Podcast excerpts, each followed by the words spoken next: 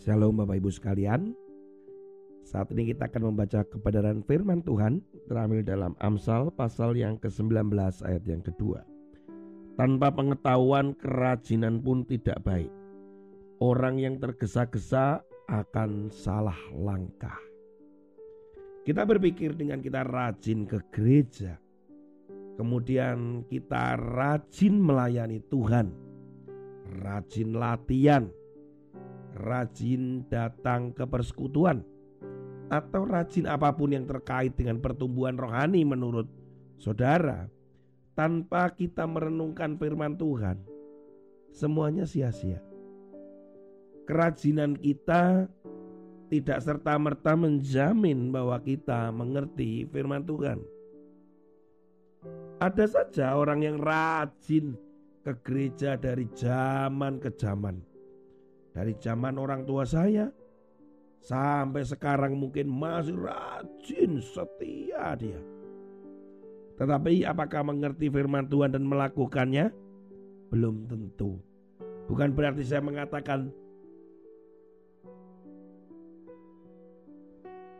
tidak melakukan, tetapi maksudnya adalah bahwa itu tidak berbanding lurus.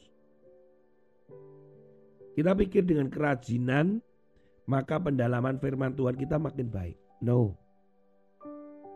Tetapi apakah kerajinan membantu kita mendalami firman Tuhan dan merenungkannya? Ya. Saudara rajin membaca firman Tuhan, saudara rajin ikut PA, pendalaman Alkitab.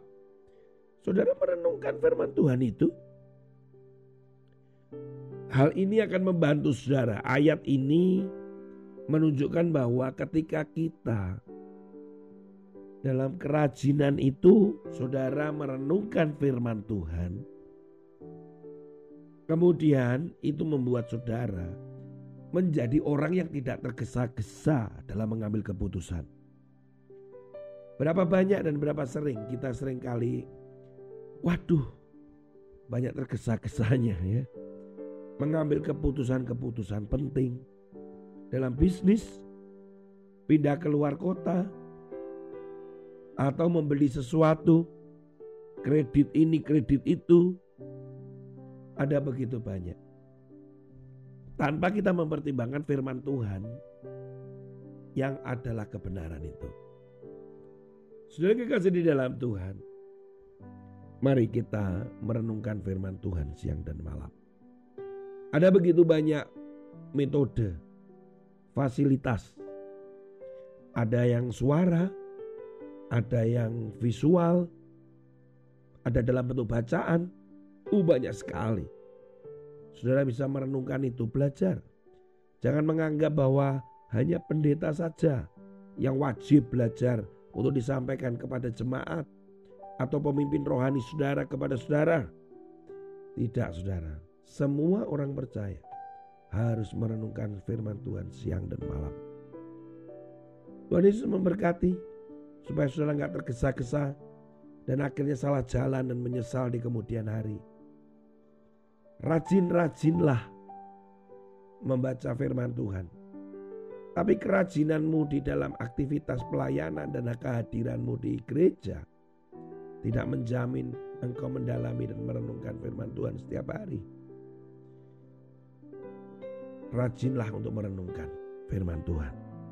Dan engkau akan melihat bagaimana keputusan itu dengan bijaksana dalam tuntunan Tuhan melalui roh kudusnya. Tuhan Yesus memberkati saudara. Haleluya. Amin. Firmanmu